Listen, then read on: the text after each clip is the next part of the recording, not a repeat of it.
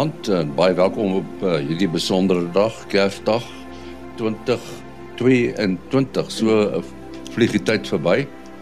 Vanaand ons gaste soos gewoonlik uh, professor Mati Hofman daarvan uh Bloemfontein en dan natuurlik uh, wat die koorts van uh, die SAAO in Kaapstad.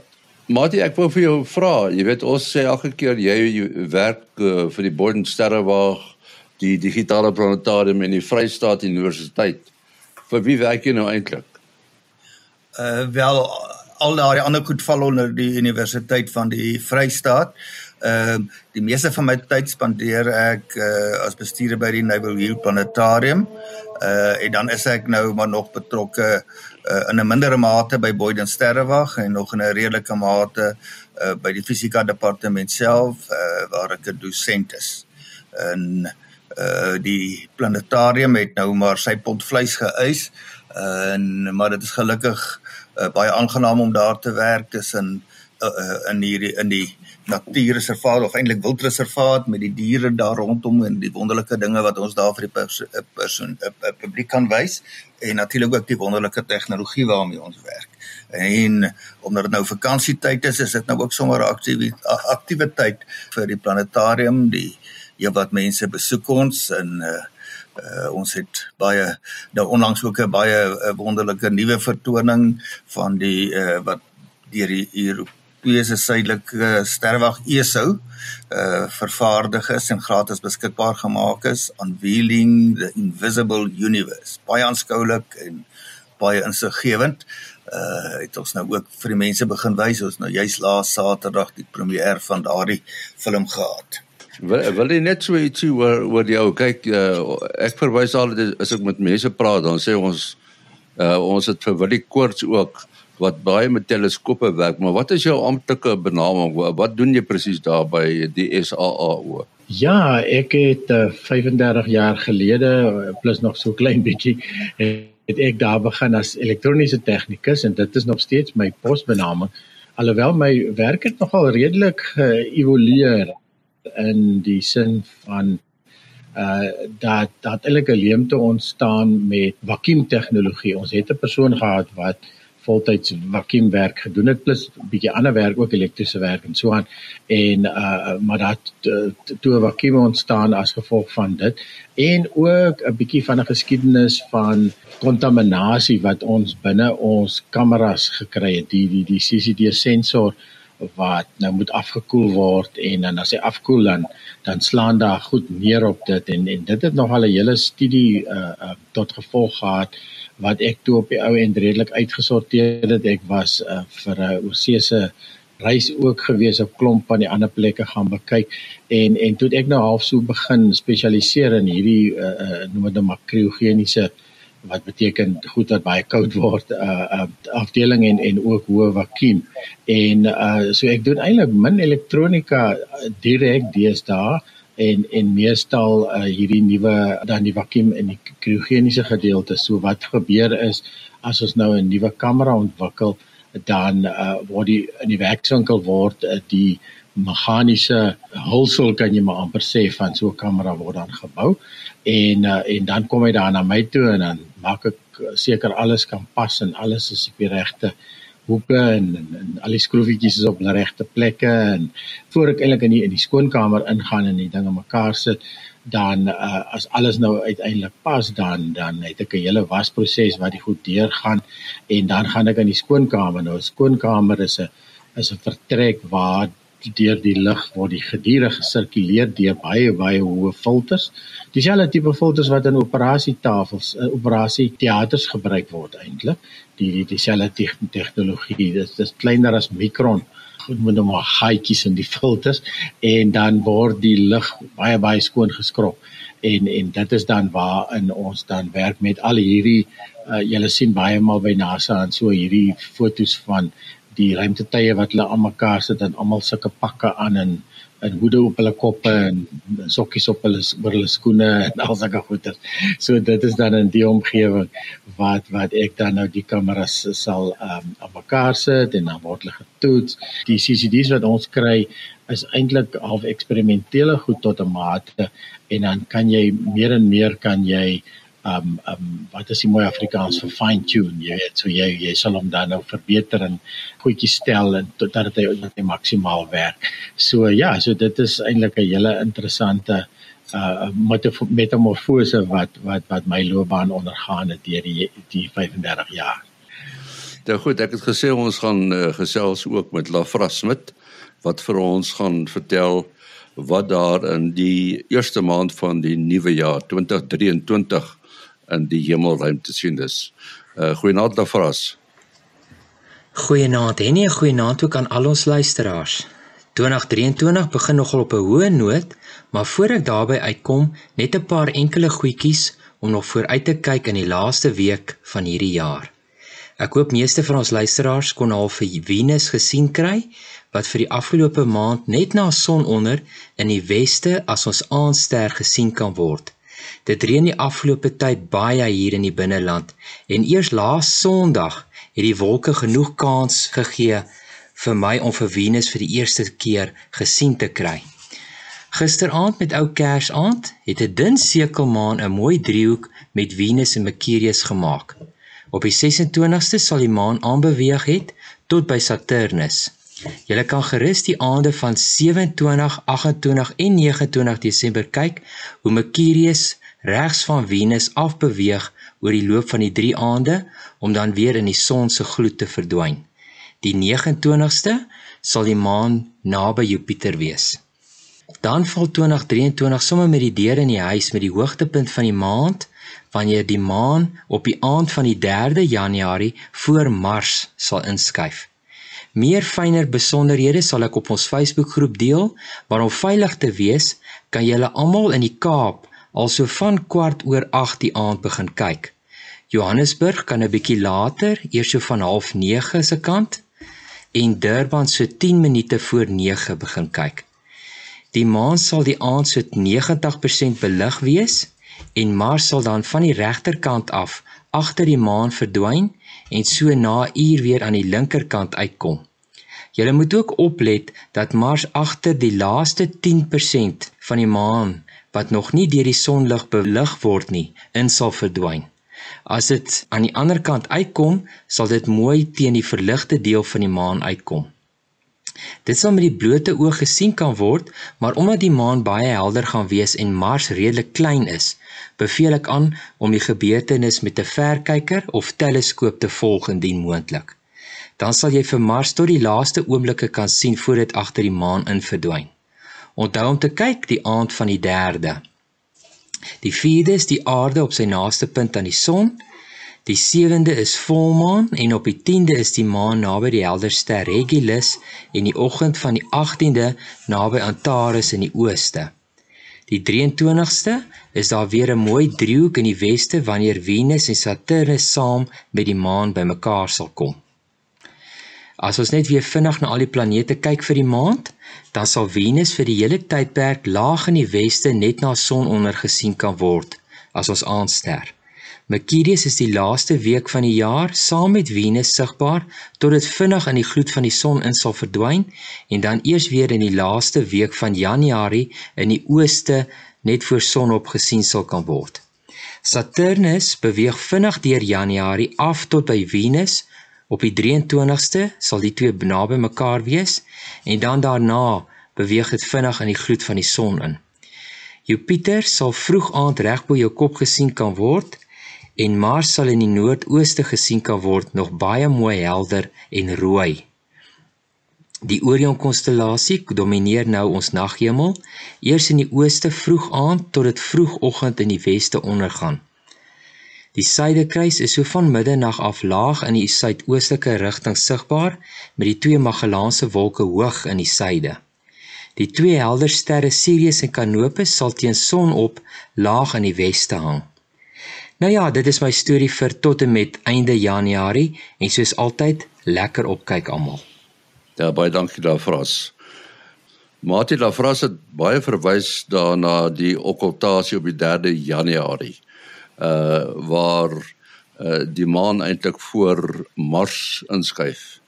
Uh verduidelik net weer vir ons presies wat is 'n okkultasie en hoe verskil dit van 'n verduistering? Uh Ja, verduistering is 'n uh, soort van dieselfde net op 'n baie groter skaal. Dit is nou wanneer ehm um, 'n uh, 'n groot voorwerp voor 'n ander groot voorwerp in beweeg. Dit wou ons dit gebruik. En uh, ons ken dit nou maar veral dan natuurlik in terme van die son, die aarde en die maan en uh as die maan verduister is, dan kan ons dit nou maklik met die blote oog sien. Uh dit is natuurlik nou wanneer die maan deur die aarde se skare weer beweeg en die uh die son, die aarde en die maan is dan in 'n reguit lyn en wanneer dit nou weer 'n uh sonsverduistering is, dan is dit nou weer die maan wat tussen die aarde en die son inkom, maar omdat die maan soveel kleiner as die aarde is, uh, wel in terme van hoekgrootte hoe jy dit nou sal sien van die een na die ander of omgekeerd is die maan se skade weer baie kleiner as die aarde self terwyl die aarde se skade weer weer baie groter is as die maan. Uh daarom kan die maan heeltemal in die aarde se skade weer verdwyn. Die maan se skade weer op die aarde is so afhangende van die presiese afstand by so 'n omgewing van 300 km uh wat nou maar 'n baie klein persentasie van die aarde se oppervlak toemaak en dit is hoekom enige persoon in sy lewenstyd hoog waarskynlik sal moet reis om 'n totale sonsverduistering te kan beleef. Die kans dat jy maar lei lei daar in jou dorp kan woon en eendag gaan jy gelukkig wees om 'n totale sonsverduistering te beleef is baie baie, baie skraal. Uh nou as ons nou vat die uh okkultasie met uh Mars, dan beweeg die maan tussen die aarde en Mars in. En mens sal in die geval dit ook met die blote oog kan sien. Minder dramaties, maar uh dit is heel dramaties as jy nou deur 'n teleskoop gaan kyk en uh, fotos neem om dan nou te kan sien die klein rooi planeet. Wel, hy is nie so klein nie, maar lyk klein op die afstand wat dan nou daar agter die horison uh in beweeg en weer uitkom. In my lewenstyd het ek nou al Saturnus baie naby aan die maan gesien. Ek het hom nog nie agter die maan sien verdwyn nie. Uh ek het al vir uh Jupiter en Saturnus baie naby aan mekaar gesien, maar hulle uh, hulle het ook nie agter die een agter die ander verdwyn nie. Uh so dit is 'n opwindende verskynsel wat op die mense wag. En mens kan selfs maar 'n bietjie moeite doen en uh, uh, afstand ry as dit bewolk is waar jy is. Maar andersins as dit nie bewolk is nie, sal dit relatief maklik wees om te sien. Op die oomblik sien ons nou vir Mars uh naby aan Taurus en natuurlik uh, ook aan die Orion gebied uh, wat nou interessant is daar Mars wat die uh, wat baie mooi rooierig vertoon en hy het 'n maatjie daar Aldebaran uh die sogenaamde rooi oog van Taurus die bil. So die mense kan sommer nou al vir Mars begin dophou dan dan sal hulle sommer ook kan sien hoeveel hy beweeg van nou tot 3 Januarie. En dit is een van die opwindende dinge om met jou eie oë te kan sien hoe die planete teenoor die ster agtergrond beweeg. Uh, in die geval van van Mars moet jy daarom seker so 'n paar dae wag om dit nou redelik duidelik te kan sien met uh, Venus en Mercurius. Sien mens dit sommer van aand tot aand. As jy nou mooi 'n uh, merker kry is 'n uh, stergroepie of 'n uh, helderige ster uh, daar naby dan kan jy die volgende aand sien. Die afstand tussen die twee uh, het verander. So mense dink nou die maan moet dan seker oor baie sterre beweeg want daar is so baie En dis interessant, uh, uh, eerste magnitude ag magnitude sterre, dit wil sê die die helderste sterre, uh, gemiddeld elke 44 dae neem die beweeg die maan of of okkulteer die maan nou uh uh, uh uh van die helderste sterre. En dan die tot die dofste sterre wat jy kan sien is omtrent so e, e, eenmal elke 2 uur. So dit uit die hart van die saak is baie meer dowwe sterre sigbaar. En dan gedurende die jaar uh volgende jaar dit wil sê nou gaan gaan die maan um Antares 5 keer okkulteer uh Mercurius 1 keer Venus 2 keer en dan Mars en Jupiter 4 keer uh en dan nog selfs uh, Uranus en Neptunus ook 3 keer. Maar die goed is natuurlik nie altyd uh sigbaar vanaf die aarde nie of vanaf Suid-Afrika nie. So dan is dit nou net die okkultasie van van Mars nou op die 3 Januarie en dan is dit ek dink as die 24ste April of so iets dan uh uh gaan die maan Venus in die dag okkulteer waar ons natuurlik nou later sal praat wat jy selfs in in die dag kan waarneem. Die die die sogenaamde Bethlehem ster uh waarvan natuurlik in die Bybel baie gepraat word. Uh die aanvaarde mening deesdae is mos dat dit dalk 'n uh, okkultasie was, Mati.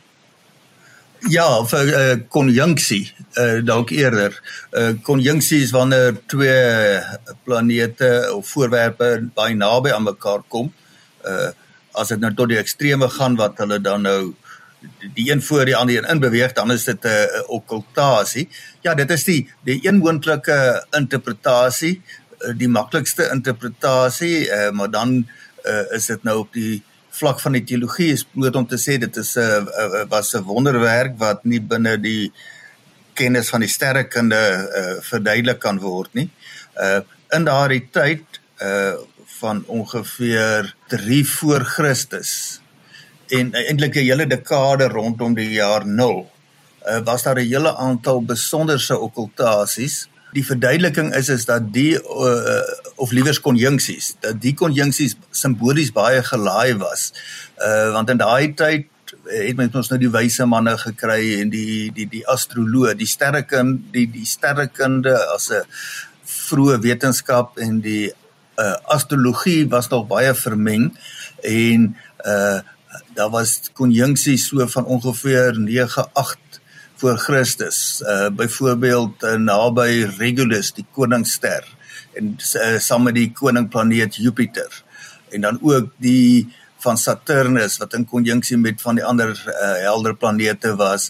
Uh, Saturnus is nou weer 'n planeet wat met die Jode geassosieer was, uh, wat die mense uh, dan sê dat hier die simboliek van hierdie konjunksies wat nogal buitengewoon was in terme van hoe naby hulle mekaar was teenoor die langtermyn tendens kyk op gebeur gereedelik gereeld dat planete relatief naderlik naby aan mekaar kom wat dit nou regtig so naby aan mekaar kom dat dit baie aandag trek. Dat die simboliek daarvan in terme van die uh, interpretasies van daai tyd uh, die wyse manne sou kon uh, motiveer om 'n reis uh, na Bethlehem te uh onderneem. So dit is my nou 'n interessante bykomende agtergrond wat breër gaan as die Bethlehem ster self. By die Bethlehem ster uh is die vraag altyd as dit nou 'n uh hemelvoorwerp is wat baie ver van die aarde af is, hoe kon dit nou 'n spesifieke plek aandui? Dit sou vir sekere rigting kon aandui as dit nou vroeg aand bo die horisons uh, uh aandui. Uh so ek sal graag uh, wil hê so 'n opinie wil hoor. Ek dink hy het nogal heelwat opleeswerk daaroor gedoen. Ja, dis reg. Ek het um, nogal al redelik daaroor uh, omtrent al al die boeke in ons biblioteek by die werk. Ons is mos in die nasionale biblioteek, sterrekundige biblioteek en en uh, daar's nog al 'n hele klompie van die boeke in spesifiek uh, triple konjunksies. Ehm um, daar was eintlik 'n baie helder en duidelike kon uh, okkultasie van ek dink Venus, maar dit is iets soos 3 voor Christus, maar daai tyd was Herodes al dood. So dit wil sê dit dit dit moes vroeër gewees het. Ek dink Herodes is hier by 4 voor Christus dood al. So dit wil sê dat die geboorte of die die ja, die Bethlehem ster verskynsel dan moes voor dit gebeur het. En dan ek dink 6 en 7 voor Christus was daar hierdie triple konjunksies van drie van die planete wat jy ook nou genoem het. En en die triple konjunksie is nogal oulik in die sin van dat jy kry half 3 gebeure. Jy kry die eerste keer wat die planete bymekaar kom en en soos jy sê dit so half die die die wyse manne geaktiveer om die reis aan te gaan en dan die tweede keer want toe kom hulle in Jerusalem aan en en toe moet hulle vir Herodes se uh, se wyse manne gaan vra daarvan. So dit wil sê dit is nie iets wat so helder was en wat hulle selfs uh, kon sien of wat hulle geprikkel het hoekom uh, dui dit op op die geboorte van Christus nie. En dan natuurlik die en toe sê hulle mos dat die ster weer verskyn en voor hulle uitgegaan en bo kan die plek gaan staan. So ja, dit is natuurlik nou daar's ook ehm um, verduidelikings dat moontlik uh, as as jy in 'n put afkyk in die dag uh vir alles die planete, helder planete so naby mekaar sit en jy kyk in die weerkaatsing onder in die put en die ster sit reg bokant jou, dan kan jy die ster sien in die dag aan die in die donker put weerkaats teen die blou hemel. En en dit dit is een van die moontlike verduidelikings vir die dat die ster gaan staan in uh bo kan die plek. So uh, ja, maar soos jy sê uiteindelik daar's regtig nog nie 'n klinkklare bewys dat dit was dit uh, ge, gewees nie so ja, so ons ons ons ons gaan ook nog vir die wonderwerk eerder nê. Maar ek sê altyd vir mense, dis nou ietsie anders uh as 'n mens uh, met mense praat oor, jy weet, hoe vind 'n mens nou sterre en planete as 'n mens uh, boontoe kyk, dan sê ek altyd 'n mens moet hierdie sogenaamde merkers gebruik. Uh en dit is 'n woord wat jy gebruik het. Nou, deesdae is Orion, uh, dit is ons die somerkonstellasie is baie mooi bokant ons. En uh dit is mos nou so as 'n mens die drie konings daai Anitak Mitaka en uh Alnilam met 'n reguit lyn na die ooste toe trek, dan kom jy altyd by Sirius uit, nê? Nee. Ja, Sirius is die helderste ster wat waarneembare helderheid betref. Daar's natuurlik sterre wat se uh, waarvan die absolute helderheid baie groter is, maar hulle kan baie dowwer lyk bloot omdat hulle baie ver is. Sirius ehm um, is op 'n afstand van ongeveer 9 ligjare. Uh en nou uh, in die tyd wat ons nou Orion kan sien, dis nou hierdie tyd van die jaar vroeg aand, kom sê nou maar so 3 kwartier na sonsondergang en mens kyk ooswaarts dan lê Sirius amper so entjie bo die horison uh amper reg oos en dan uh links daarvan dan kan mens nou uh daai merkers gaan vat die drie konings en dit is waarskynlik die mees bekende stergroepie vir mense in die suidelike en noordelike halfrond omdat hulle so helder is en dan hierdie mooi amper reguit lyn uh vorm en dan nou ook nog omring word deur 'n klompie helder sterre uh wat dan die konstellasie van Orion die jagter uh uh uitmaak. Nou ons sien natuurlik vir Orion onderste bo en dan aan die uh, onderkant het ons nou ook 'n rooierige ster Betelgeuse en 'n presisie teenoorgestelde kant van die drie konings van uh, vanaf Betelgeuse kry mense 'n uh, Rigel of in Engels Rigel wat nou 'n baie mooi kleurkontras vorm met uh, Betelgeuse wat nou soos Aldebaran rooierig vorm en nou in hierdie tyd tot 'n uh, uh, hier rondom Kersfees is Mars nou ook in daai omgewing. Uh so dis uh drie rooierige voorwerpe wat 'n mens daar kan sien.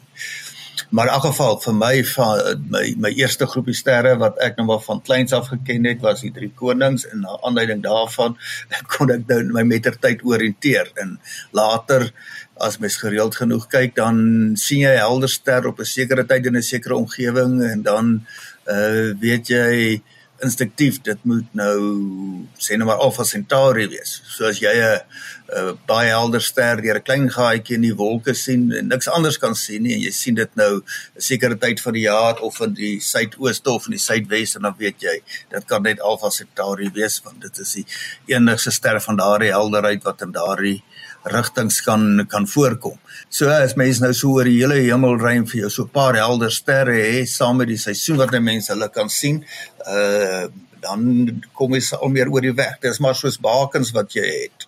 Uh net soos wat jy bakens in 'n stad het om as jy op uh, by 'n bepaalde sentrum of 'n bepaalde toring kom dan kan jy jou weer 'n bietjie verder orienteer.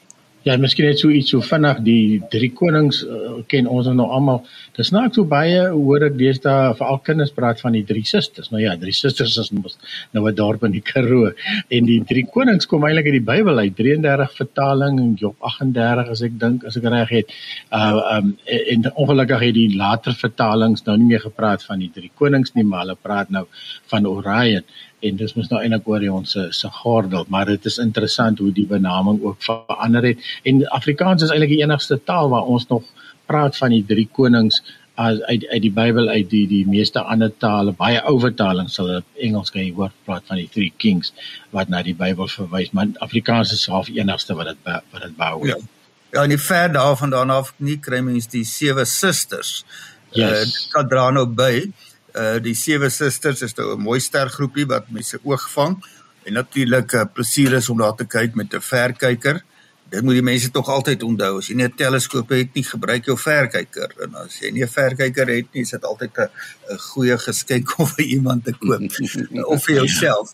Uh ek weet jy sien wil jy seker omtrent 100 maal meer sterre hmm, uh met 'n verkyker as wat jy met die blote oog sien.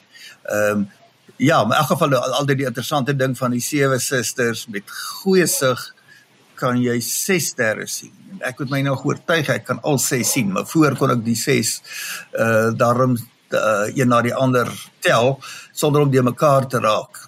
So iewers in die geskiedenis ehm um, moes die mense sewe sterre duidelik kon sien of hulle oë was beter as ons in of dit was donkerder maar wel, mens kan selfs op 'n donker plek wees. As mense nou vir my sê hulle sien sewe sewe van die susters Uh, dan moet ek eintlik vra hulle moet vir mense prentjie teken dat mense dit kan gaan kontroleer. uh, Mati, terwyl jy besig is, wat is jou besonderhede? Uh selfoonnommer 0836257154. 0836257154. Wat is? Is 0724579208. 0724579208 en uh, ons program se e-posadres sterreplanete@gmail.com sterreplanete@gmail.com tot volgende jaar alles van die beste